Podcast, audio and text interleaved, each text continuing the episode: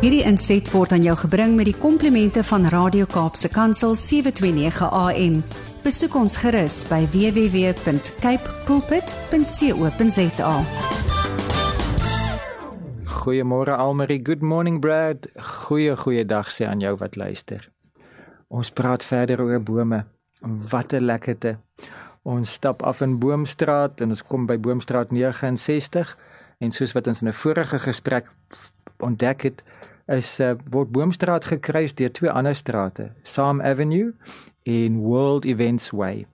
En net voordat ons Boomstraat 69 lekker uitpak, kom ons kyk gou-gou as ons by Sam Avenue 69 inloer, dan sien ons maar 37 vensters. En venster nommer 31 dit was wil sê Psalm 69 vers 31 in die Afrikaanse direkte vertaling lees as volg Ek wil die naam van God loof met 'n lied. Ek wil sy naam groot maak met 'n danklied. Kom ek lees hom weer vir ons. Psalm Avenue 69 venster 31 Ek wil die naam van God loof met 'n lied. Ek wil sy naam groot maak met 'n danklied. Baie van ons het die voorreg om uh, by geleentheid eredienste by te woon en dan met gemeentesang die Here se naam te besing.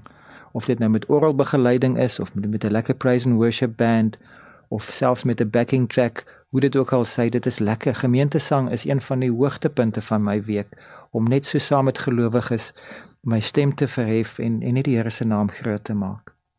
Maar wat ek ervaar is dat die Here vir my vra, "Rudy, wanneer hoor ek jou stem die res van die week?" In gebed kan hy my dalk soms hoor of dikwels hoor hy my as ek kla en kerm, maar wanneer hoor die Here my lied al is ek nie dan in die gemeente nie of al is ek dan nie by die selgroep of by die Bybelstudie nie. Ek wil myself aanmoedig en ek wil jou daarmee saam insluit en sê Laat jou stem gehoor word in die kombuis, in die badkamer, in die in die slaapkamer, in die voorhuis, in die kar. Die kar is 'n goeie plek want veral as jy nou self bestuur en niemand anders is in die kar nie, dan is dit 'n lekker klankdigte ruimte en nie almal van ons is so noodvas nie. Uh Refensie sing baie mooier as wat ek kan sing, maar um, ek wil tog dat dat my stem weer galm met lofliedere vir die Here. So Psalm 69 vers 31 moedig my aan dat my stem gehoor moet word om die Here se lof te besing. Ek wil vertoef hier so in Psalm Avenue, maar kom ons stap oor die pad na World Events Way en ons kyk by 1969 in en volgens Brian Adams se lied was 1969 the summer of 69 this these were the best years of my life. Nou vir Brian Adams was dit miskien the best years of his life, maar in my persoonlike ervaring the, the, those were the wettest years of my life want ek was in doeke in, in 1969 en um, ek het nou regtig nie beplan om oor party training te praat nie, maar ek besef net dat uh, in Julie maand van 1969 toe die maanlanding plaasgevind het, one small step for man, one giant leap for mankind.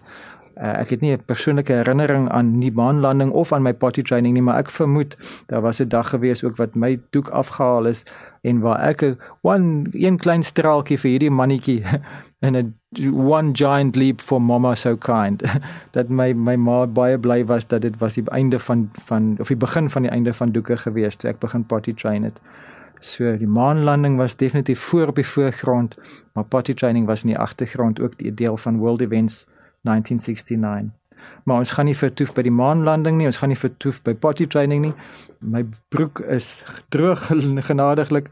Kom ons stap aan en ons stap af in Boomstraat en ons kom by nommer 69 en dan wil ek daarom net weer sê dat hierdie titel het weer 'n keer alliterasie in.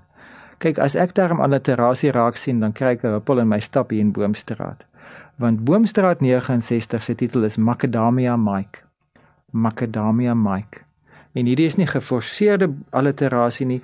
Hierdie is nie poetic license nie. Dis dis nie dat ek net digtelike vryheid gebruik nie. Hierdie is histories dat ek Sondagmiddag moes ek 'n Uber vat om die bus wat ek maandag bestuur te gaan haal by die eienaar en ek klim in by die Uber en ek kry sy toestemming om voor langs om te sit en ons begin lekker gesels en ek vind toe uit dat Mike kom uit Malawi uit, nog meer alliterasie en toe ek so ons die snelweg tref op pad na soms dit Wes toe om die bus te gaan haal toe uh, hoor ek dat Mike kom eintlik van 'n plantasie waar hy met makadamia boere uh, makadamia plantasies geboer het uh voordat hy uh Suid-Afrika toe gekom het. Hy's 'n meganiese ingenieur as gevolg van uh, detail in terme van sy kwalifikasies mag hy nie op hierdie stadium in sy veld uh, uh, werk nie, maar hy het baie ervaring met makadamia bome.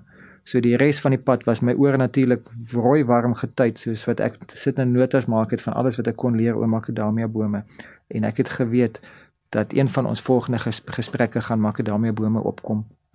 Nadat Mike vir my so lekker lus gemaak het vir makadamia neute, het die internet my herinner dat makadamia neute is omtrent die duurste neute wat jy kan koop.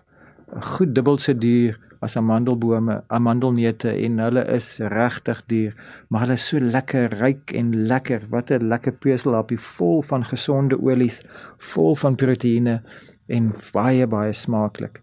Maar jy moet by daai harde dop verbykom. En behalwe vir die mens wat met 'n neutkraker of met 'n hamer daai dop kan baas raak, is dit net 'n sekere soort papegaai wat in die natuur daai doppe kan kan kraak. Verder is dit insekte en en swamme wat wat daai dop kan baas raak, maar daar's nie eintlik diere wat wat daai dop kan kan baas raak nie. Uh oorspronklik in Australië, daar is inheems in Australië en die boom is vernoem na John Macadam. En uh, hoe sou dit wees as iemand so so bekende boom vernoem na jou? Dis daarom lekker dat iemand 'n boom na jou vernoem.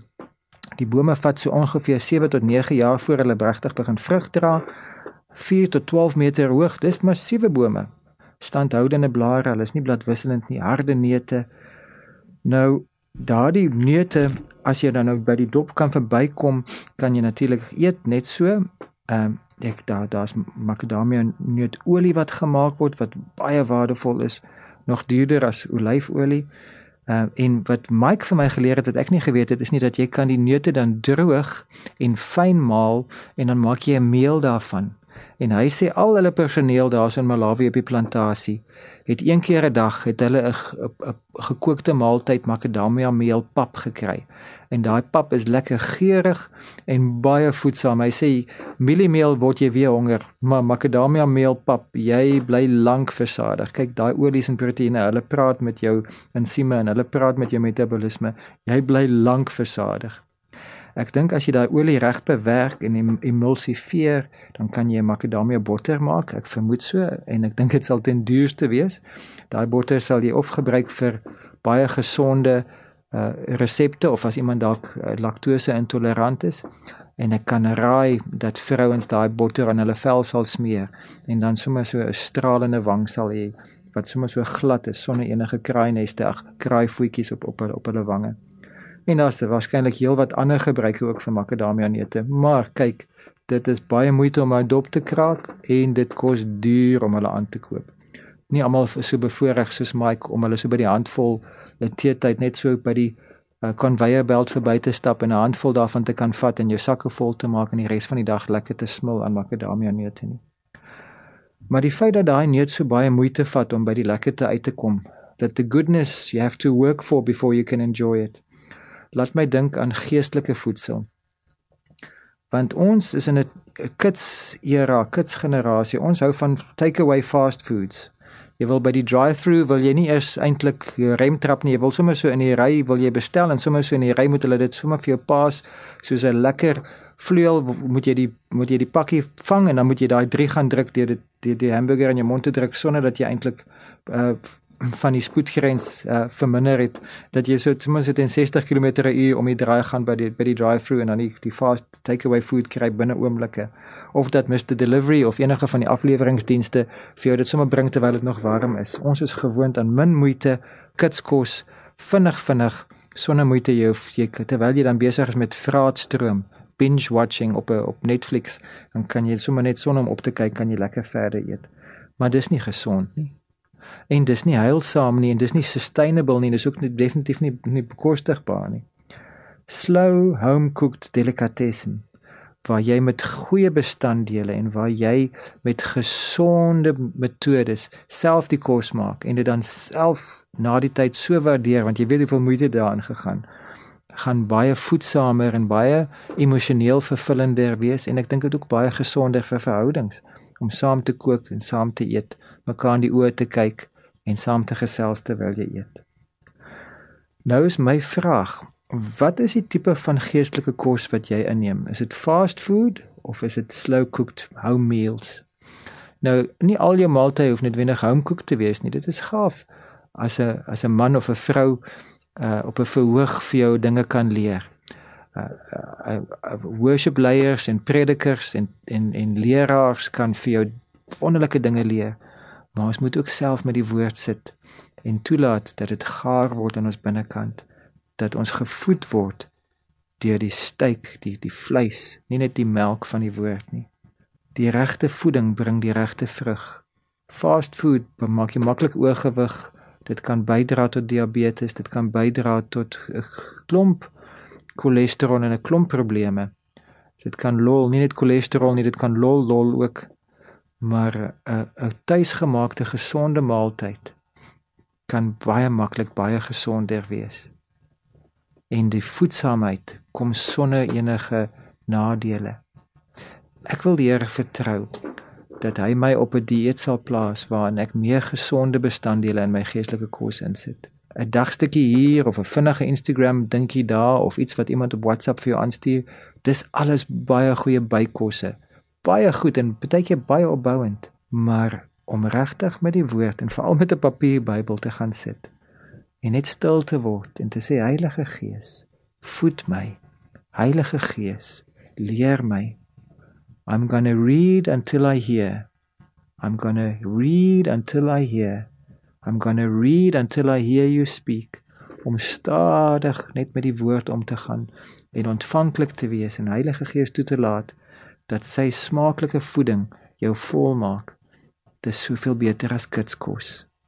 Kom ons bid en ons gesels met die wêreld se beste chef wat selfs vir Makadamia Mike liefhet in Malawi en in Suid-Afrika as 'n buitelander wat vir jou liefhet of jy nou 'n buitelander of 'n binnelander of 'n waar jy ook al vandaan kom en of jy nou ooit al makadamia neute geniet het of nog nooit nie die Here is lief vir jou en hy wil jou voed en die wonder daarvan is dat makadamia neute is dalk onbekostigbaar vir jou maar die woord is vrylik beskikbaar as jy net honger is om te wil eet. Kom ons bid saam. Vader so baie dankie. Dankie dat u Gees my wil voed en dat u onder andere u woord wil gebruik om my gees te versterk. En dankie dat ons die voorreg het om in Suid-Afrika en al die amptelike landstale en in in honderde ander tale die woord vrylik beskikbaar te hê. En Here, ek wil vra dat elkeen wat my stem hoor, sal beleef hoe hulle lus word om vir hulle self 'n geestelike toebroodjie te gaan maak en ietsie te smeer.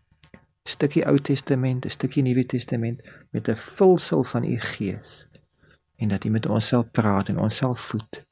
En dankie dat u 'n lewende woord is. Dis nie 'n dooie geskrif nie, dit is nie 'n ou perkamentrol nie, maar dis 'n lewende geliefdesbrief reg van my Vader af wat my kan voed. Ek wil lees totdat ek u stem hoor. In Jesus naam. Amen. Hierdie inset was aan jou gebring met die komplimente van Radio Kaapse Kansel 729 AM.